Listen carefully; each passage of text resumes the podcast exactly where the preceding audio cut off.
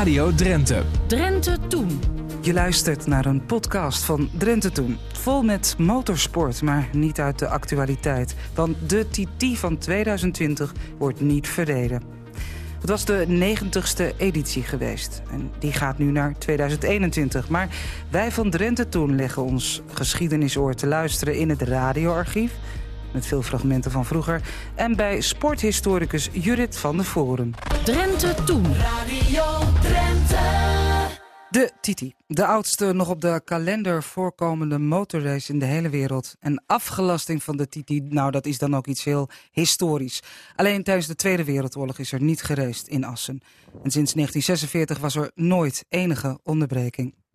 Aan de telefoon heb ik Judith van der Voren. Hij is sporthistoricus. We spraken elkaar al eerder in deze uitzending, of deze in dit programma. En toen ging het over sport in de Tweede Wereldoorlog.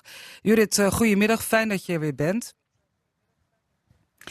Goeiedag. Uh, goeiedag. Zeg, ik wil met jou graag even naar 1925, de allereerste editie van de TT. Daarvoor moest de wet worden veranderd, hè? Het is vlak na de Eerste Wereldoorlog en dan komt het gemotoriseerd verkeer op in Europa, ook in Nederland. En dan ontstaat er behoefte aan, aan, aan wedstrijden met auto's, met motors. En daar heb je een, een, circuit voor nodig. En in die tijd had je dan nog niet van die uh, circuits zoals nu in Assen ligt bijvoorbeeld. Dus dat moest dan eigenlijk gewoon buiten. Maar zomaar in de buitenwereld een wedstrijd organiseren, daar was de Nederlandse overheid het over het algemeen niet mee eens. Of het nou over motors ging, of met fietsen, of zelfs met zwemmen. Eigenlijk alles wat met sport te maken had, de nationale overheid was daar niet dol op. En er was een motorwet uit 1905 waarin was vastgelegd dat zowel voor fietsen als voor de motorsport er niet zomaar wedstrijden in het openbaar mochten worden gehouden. Dus er was eigenlijk nergens een mogelijkheid om een motorwedstrijd te houden. Behalve, dat was het idee dat in Assen ontstond bij de motorclub Assen en Omgeving uit 1922, hè, dus bijna 100 jaar oud. Daar was iemand die zei van als we nou een circuit zelf gaan maken, er werd een nieuwe weg gebouwd in de buurt van Assen. Als we dat dan afzetten, dan hebben we een gesloten circuit. Maar dan kunnen we wel gebruik maken van de openbare weg. Alleen die is dan even niet openbaar. En zo is het gelukt om eigenlijk die wet te omzeilen en dan met toestemming van de nationale overheid te zeggen: oké, ga dan maar even met je vrienden aan motorsport doen. En dat was dus echt nog een stratencircuit buiten met hobbels en zand erop. Ja, zeg, en hoe verhoudt zich dat tot, uh, tot, tot races elders in de wereld? Want ja, die, die racewereld was toen al internationaal. In andere landen kon het wel. Ja, Nederland liep in heel veel van dat soort dingen redelijk achter hoor. Als het ging om toestemming geven voor sport in de openbare ruimte. Dat is ook de reden waarom bijvoorbeeld in Nederland er eigenlijk helemaal geen goede wegwielrenners waren tussen de Eerste en de Tweede Wereldoorlog. Omdat ze daar niet mochten uh, sporten. Dus gingen ze de baan op. Nederland is daarom heel goed geworden op de baan. Dus je moet iets verzinnen en zo werd Nederland creatief. In ieder geval, in dit geval in Assen. Door dan dus, uh, om, om het op de zo'n zo weg te doen in de buurt van Assen. Maar er was wel een achterstand opgelopen. Ook omdat er in Nederland niet echt hele grote motorbedrijven waren die reclame wilden maken via de sport. Zoals in Italië of in Duitsland en in Engeland. Maar die schade is ingehaald in Assen. Ja, dat, uh, dat parcours dat was uh, van Rolde, Borger en Schoonloof via Grollo weer naar Rolde. Maar het hele fenomeen stratencircuit, dat was ook niet nieuw, toch? Het was dus wel voor, uh, voor, voor de motorsport was dat iets, iets nieuws om te doen. Ze hadden daarvoor meer van die zogenaamde puzzelritten. Dat je dan dus wel 500 kilometer ging rijden met de motor. Maar dat het er niet zozeer om ging wie er als eerste binnen was. Je kon onderweg punten verzamelen. En je moest stempels halen. Een soort Elfstedentocht alleen dan een paar honderd kilometer langer en wat sneller met de motor. Dus op die manier was dat al wel, uh, wel goed georganiseerd. Maar een stratencircuit, dat is ook in Zandvoort gebeurd. Waar nu dus het circuit van Zandvoort ligt, is ook begonnen als een stratencircuit in 1939. Het circuit zelf was er nog niet. Dus daarin hebben Assen en Zandvoort, ik mag het misschien niet zeggen in Drenthe, maar hebben ze eenzelfde geschiedenis. Is dat ze allebei zijn begonnen als een stratencircuit. En daarna werd het dan een afgesloten circuit. En zo is Van Assen, dat is van 1955. Hè, dat bestaat 65 jaar dit jaar. Ja, en, en ben je dan, uh, dan sta je ook meteen wereldwijd op de kaart, denk ik. Ja, wat was voor Drenthe ook sensationeel dat er zoveel belangstelling voor was omdat er in Drenthe nog niet zo heel veel te doen was met hele grote sportevenementen. Er bestond echt wel sport hoor, eh, in, in de provincie. En met name turnen uh, was heel erg populair. Schaatsen, er werd ook al langzaam wat gevoetbald zo in de jaren twintig. Maar echt grote sportevenementen, die waren er eigenlijk nog niet in Drenthe. En met die TT die in Assen is begonnen, kwamen opeens vanuit heel Nederland mensen naar Drenthe. En ook vooral heel veel journalisten en kranten die erover schreven. En dat was voor, voor Drenthe wel iets nieuws, dat er dus iets was... waardoor ze echt op de sportkaart van Nederland stonden... Want de TT groeide al vrij snel uit tot een evenement met ongeveer 100.000 toeschouwers. En die kan je niet kwijt hoor in het Olympisch Stadion in Amsterdam of in de Kuip in Rotterdam. Die zijn kleiner. Dus het was ook opeens het grootste evenement van Nederland. En dat was voor Assen, voor Drenthe, was dat wel iets heel bijzonders, iets heel moois. Ja, op jouw eh, website sportgeschiedenis.nl heb je er ook over geschreven. En uh, ook daar is die uh, advertentie te zien, ook elders, maar ook bij jou. Die heb ik hier in mijn hand. Zaterdag 11 juli 1925. Uh, dan een afkorting, maar het gaat over dat het smiddags gaat gebeuren om half drie. De eerste Nederlandse TT, georganiseerd door de motorclub Assen en Omstreken. Nou, toegang in uh, Rolde en Borger en allerlei uh, parkeerplaatsen. En wat je ervoor moet betalen voor je auto, voor je motor, voor je rijwiel. Zeg, hoe bijzonder is het, en dan laat ik de Tweede Wereldoorlog even buiten beschouwing... dat een sportevenement al zo lang bestaat? Of is dat in, in, in, nou ja, in de wereld van sportevenementen niet eens zo heel erg bijzonder? Je hebt natuurlijk hele oude uh, lopende sportevenementen. Dat is bijvoorbeeld Wimbledon vanaf 1870, de Tour de France 1903 en vergeet vooral het uh, kaatsen niet, de PC in Franeker 1854. Dat is echt een van de alleroudste lopende sportevenementen ter wereld. Maar het is wel degelijk heel bijzonder dat je als uh, sportevenement de 100 jaar gaat aantikken. Hè. Dat duurt nog vijf jaar. En dan bestaat de TT precies een eeuw. En dat is wel heel bijzonder dat een sportevenement in 100 jaar is blijven bestaan. Aan de ene kant is ongewijzigd, van het is elk jaar opnieuw gereden. Inderdaad, behalve de oorlogsjaren. Maar aan de andere kant van, is er ook heel veel veranderd in diezelfde eeuw. Omdat ze van een stratencircuit uh, langzaam toe zijn gegroeid naar een eigen circuit. Dat is dus nu het circuit van Drenthe in Assen. Dat er steeds meer mensen kwamen, dat het steeds internationaler werd. In het begin was het alleen voor Nederlanders. Dat er steeds meer commercie kwam. Dan komt de radio erbij, dan komt de televisie erbij. Het wordt groter en groter. En dat maakt het zo mooi, zo'n evenement. Het zegt zoveel ook over hoe Nederland in die 100 jaar veranderd is. En over hoe Assen, hoe Drenthe in die 100 jaar veranderd is. En sommige dingen ook gelijk zijn gebleven. Maar 100 jaar als sportevenement, is veel hoor. In de zijspanklasse van de Assen TT Races dongen 15 equipes die 107 kilometer voor de wielen hadden naar de overwinning. De Zwitsers Kamatias en Kekko en de Duitsers Schneider en Strauss, die bij de training al de beste tijden hadden gemaakt, verzekerden zich direct van een voorsprong. De driewieler die het snelst van allen door de bochten zeilde was bemand door Kamatias en Kekko. Met hun motor nummer 11 raasden ze naar de finish, die ze evenals vorig jaar als eersten overschreden. Met hartelijk applaus gaf het publiek uiting aan zijn waardering. Daarna ging men kijken naar de verrichtingen van John Surtees, wiens moeder altijd zonder merkbare angst de races volgt. De Engelsman nam ogenblikkelijk enige tientallen meters voorsprong.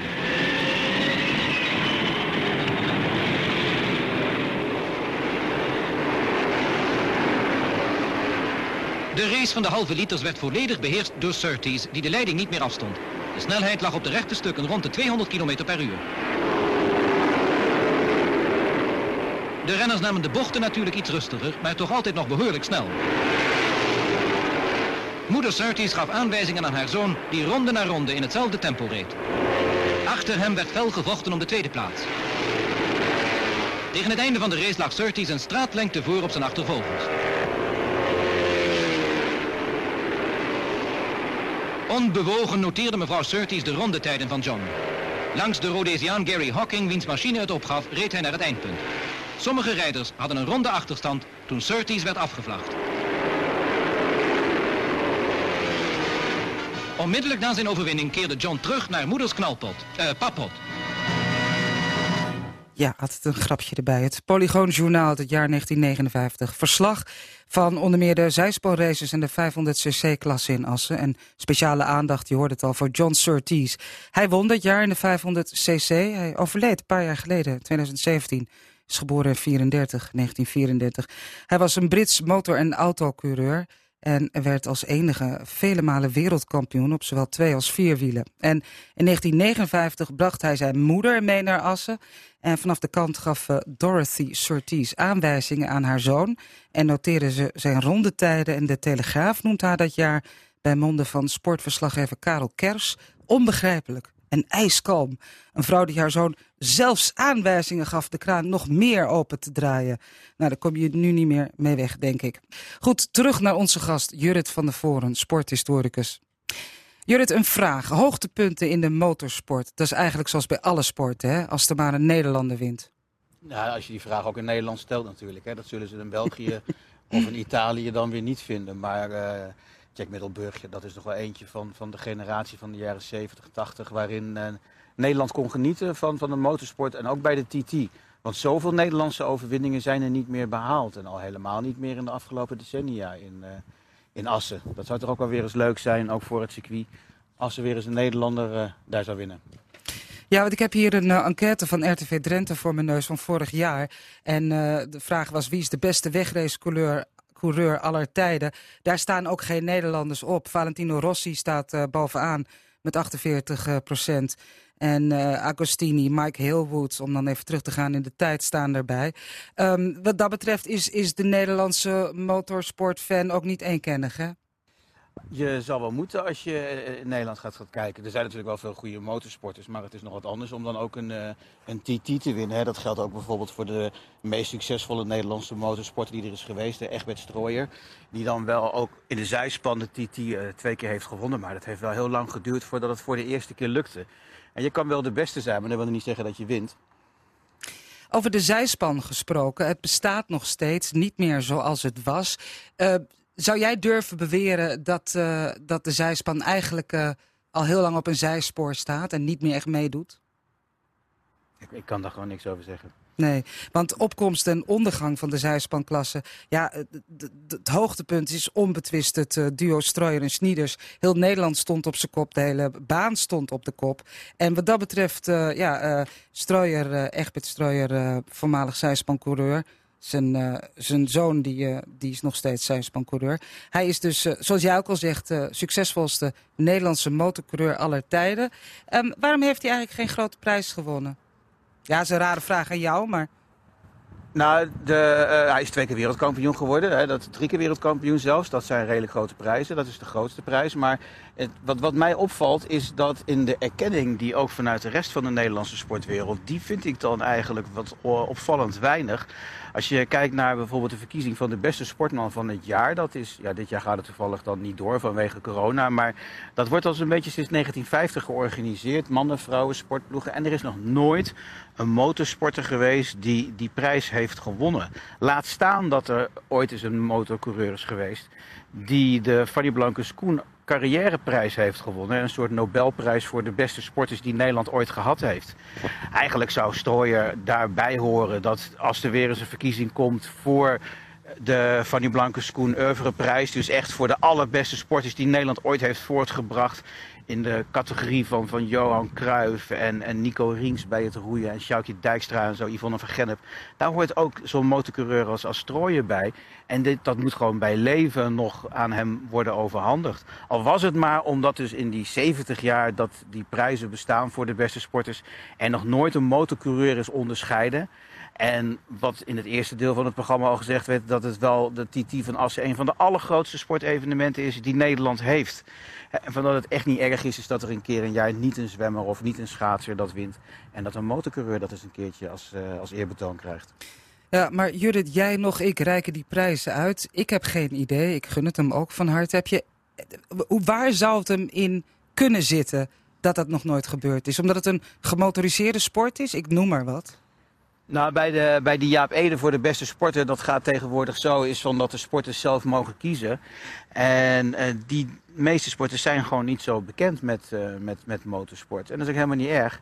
Maar daarmee krijg je dus wel dat grotendeels uh, vanwege de onbekendheid van die sporters bij de, van, van de motorsport bij andere sporten, dat het daarbij niet echt doordringt. Het is ook hier wel bijna gebeurd, maar nog nooit helemaal. En als het gaat over die oeuvreprijs, die Fanny Blankers-Koen oeuvreprijs, dat gaat zo dat de laatste vijf winnaars, die maken uit wie de volgende gaat krijgen.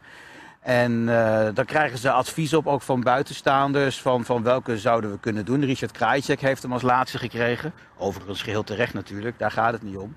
Maar dat ze eens hun blik verleggen, uh, kijken naar de wereld buiten de Olympische Spelen. Buiten de traditionele grote sporten die vaak op televisie zijn. Als, als het schaatsen, als het wielrennen, het voetbal. En juist ook iets als wat heel groot is, de, de motorsport. Alleen dan toevallig iets minder vaak op televisie is. Ja.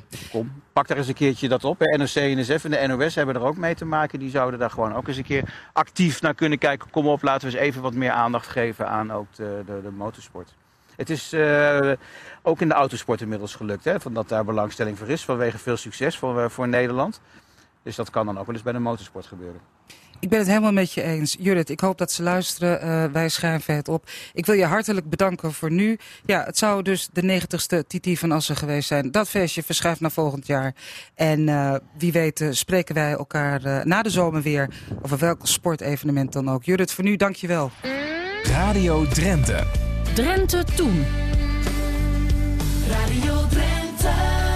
Wij gaan verder met zeven mijls laarzen door de TT-geschiedenis. We houden halt in 1974, 1975 en 1976. Ja, onlosmakelijk verbonden aan de TT is natuurlijk de TT-nacht. In 1974 was de rust na een aantal jaren van veel vechtpartijen en rellen teruggekeerd in de Drentse hoofdstad. Rono-verslaggever Peter de Bie maakte daar een reportage over en sprak onder meer met burgemeester Grolleman. Daarna gaan we naar 1975. Mr. TT, Jaap Timmer, blikt vooruit naar de strijd tussen de grootheden Johnny Secotto en Giacomo Agostini. En hij neemt de uitslagen van de eerste trainingen door. En we eindigen in 1976. Misschien ken je Jan Ubels wel als camping-eigenaar van TT Camping Ubels in Assen. Maar hij was zelf ook succesvol motorcoureur. In 1976, 1977 en 1978 reed Ubels op het wereldkampioenschap in de 125 en 250 cc-klasse. En in 1977 maakte de Rono een reportage over hem. Dat dus zometeen. We beginnen in 1974. Peter de Bie, kom er maar in. Het is op het uh, bijna drie uur in de nacht en er is net een persconferentie geweest. Uh, burgemeester Golleman, het is op het erg rustig op straat. Ja, we hebben een uh, bijzonder goede feestnacht achter de rug. En uh, de verwachting is dat het zo blijft. Hetgeen wat mij vanavond opgevallen is dat er uh, de ruiten van de winkels niet betimmerd waren. houdt het nou ook in dat de Assenaar zelf meer vertrouwen heeft gehad in de Titi-nacht? Ja, dat is heel duidelijk. Ik heb ook het gevoel, de spanning is helemaal uit de stad. De spanning die je vorige jaren proefde, en uh, de verwachting van wanneer begint er al, wanneer barst het los, die is totaal verdwenen. Uh, even naar morgen kijken. U uh, bent morgen weer op de TD-baan, neem ik aan. En u zult daar waarschijnlijk de prijzen gaan uitreiken. Althans, de, de kransen om gaan hangen, als ik het zo maar zeggen. Heeft u nou zelf al een idee wie morgen gaat winnen? Heeft u al een bepaald zicht op de hele gebeuren van morgen? Althans, wie er gaat winnen in een bepaalde klasse? Nee, daar heb ik nog echt geen zicht op. Daar ben ik nog niet aan toegekomen. Daar ga ik morgen op de baan mijn verdiepen. Bent u een motorkenner? Nou, nee, niet, uh, niet buitengewoon, nee. nee. Ik maak de persconferenties mee, u weet, ik ben voorzitter van de stichting. Dus weet daar wel iets van. Maar uh, om nou te zeggen dat ik een kenner ben, nee.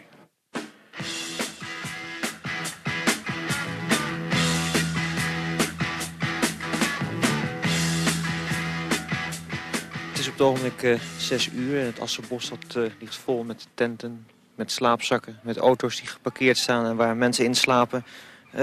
Lig je lang te slapen hier? Uh, hoe laat is het? Zes uur. Uh, anderhalf uur. Je ligt een anderhalf uur hier in het, uh, in het hoge gras, zou ik aan zeggen. heb je wel nog wel kunnen slapen? Ja, vrij makkelijk. Wat was het nou? Was het de TT-nacht of zijn het de races waar je voor komt? nou, de hele belevenis, hè. De eerste wel, nou, gewoon... Het, het, het, het, de belevenis op zichzelf, dus al die mensen, de, de gezelligheid, de sfeer en zo. Tenminste omdat de laatste jaren met al die relletjes nogal goed gegaan is. Ja, de tweede, maar het komt dus wel op de tweede plaats uit de race. Goed, jullie gaan uh, zo naar de Tino neem ik aan? Ja, nee, gaan naar Amsterdam. Gaan alleen maar voor de sensatie, zonder meer. Alleen voor de sensatie. Dat is het belangrijkste. En uh, die sensatie heb je wel gehad gisteren? Ja, oh, fantastisch, zonder meer. Heerlijk nou, oh, dat is een heerlijke dag. Oh, dat was een heerlijke dag, echt goed.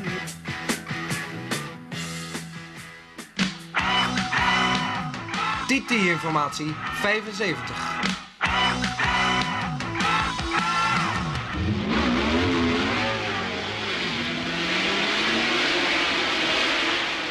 En voor die TT-informatie gaan we over naar Jaap Timmer in Assen. Zo, dames en heren, op het eh, TT-circuit zijn dus vanmiddag de eerste trainingen van start gegaan. En eh, we hebben gezien dat eh, Johnny Secotto, het 19-jarige wonderkind uit Venezuela meteen al bijzonder snel geweest is. Hij kwam hier voor de eerste keer naar Assen toe. Reed vervolgens eerst een uh, wat langzame ronde. Tenminste in zijn ogen langzamer. Wij vonden het allemaal al bijzonder snel. Van 3 minuten 19, uh, 3 tiende seconden. Maar de laatste ronde die hij aflegde, en dat was uh, voor hem zo de achtste of de negende. Die reed hij in een tijd van 3 minuten 7, 15 seconden. En daarmee zat hij eigenlijk maar een paar seconden meer van het ronderecord af. Met andere woorden, dat belooft nog wel een beetje strijd tussen hem en zijn teamgenoot Giacomo Agostini. Giacomo Agostini, de eerste rijder van het Yamaha-team. Want die wist vanmiddag nog niet verder te komen in die eerste training. Het was voor hem dus ook weer een uh, hernieuwde kennismaking zou je kunnen zeggen. Dan tot 3 minuten en 11 seconden.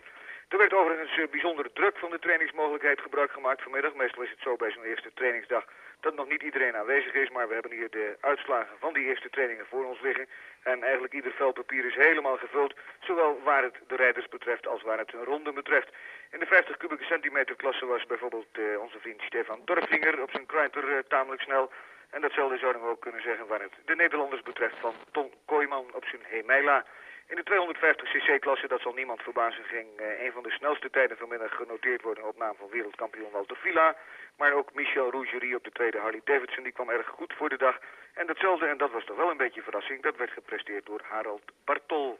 In de klasse 350cc dus uh, vooral uh, te genieten van de strijd om de beste rondetijd tussen Secotto en Agostini. Ik zei u dit al.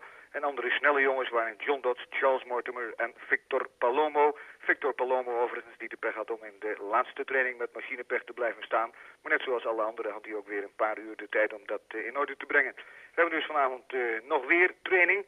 En wel om 7 uur de 50cc-klasse en daarna de zijspannen.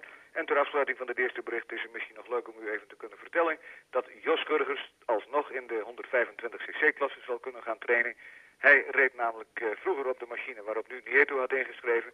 Maar de heren die hebben uh, eventjes met elkaar gesproken en Nieto is bij ons geweest en die heeft gezegd wel, als Burgers zo graag mee wil doen, dan uh, geef ik graag mijn startplaats voor hem. En dat betekent dus dat Nieto uitkomt alleen in de 50cc-klasse, terwijl Jos Burgers dus zijn plaats inneemt in de klasse 125cc. Terug naar de studio in Groningen. Dat is niks.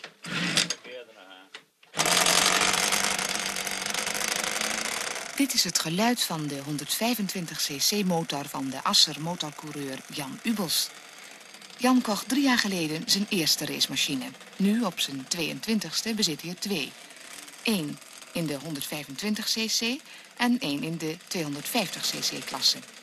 Dit jaar moet het volgens de Assenaar allemaal gaan gebeuren.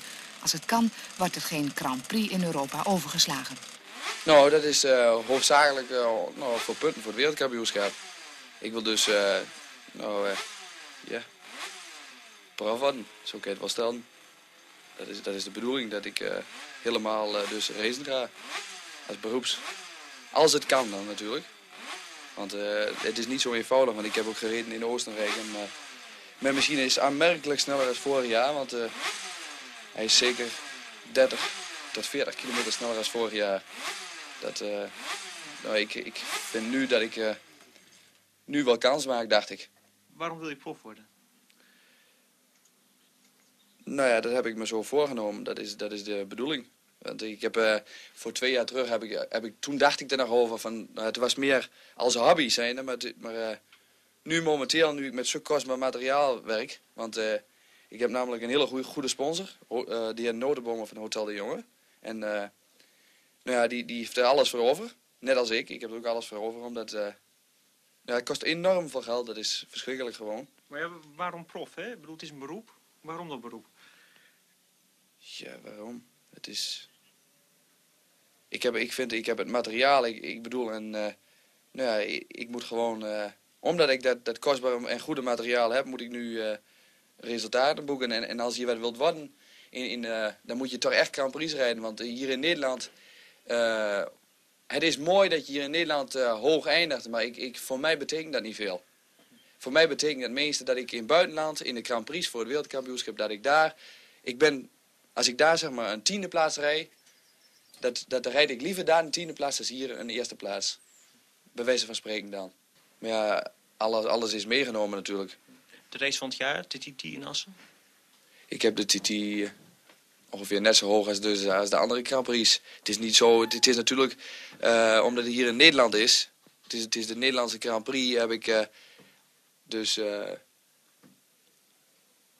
nou, is altijd veel mooier natuurlijk, omdat je rijdt voor eigen publiek en zo, dat is altijd veel mooier. Maar ik bedoel, ik vind de andere Grand Prix ook belangrijk. Want in wezen een Grand Prix is een Grand Prix en... Natuurlijk is de TT het mooiste. Dat is, dat is voor iedereen het mooiste. Voor iedere Nederlander is de TT, dat is, dat is, dat is dus het allermooiste wat je kunt rijden. Maar ik bedoel, uh, voor mij is het ook belangrijk om uh, in andere Grand Prix te rijden. Het is net zo belangrijk. Je luisterde naar een podcast van Drenthe Toen. Elke week komen er weer nieuwe bij en ze zijn te downloaden via je podcast-app. Of kijk even op onze website rtvdrenthe.nl. Daar vind je ook andere podcasts. En vond je het leuk of heb je tips? Laat dan een beoordeling achter. Dat vinden wij weer leuk. Dankjewel.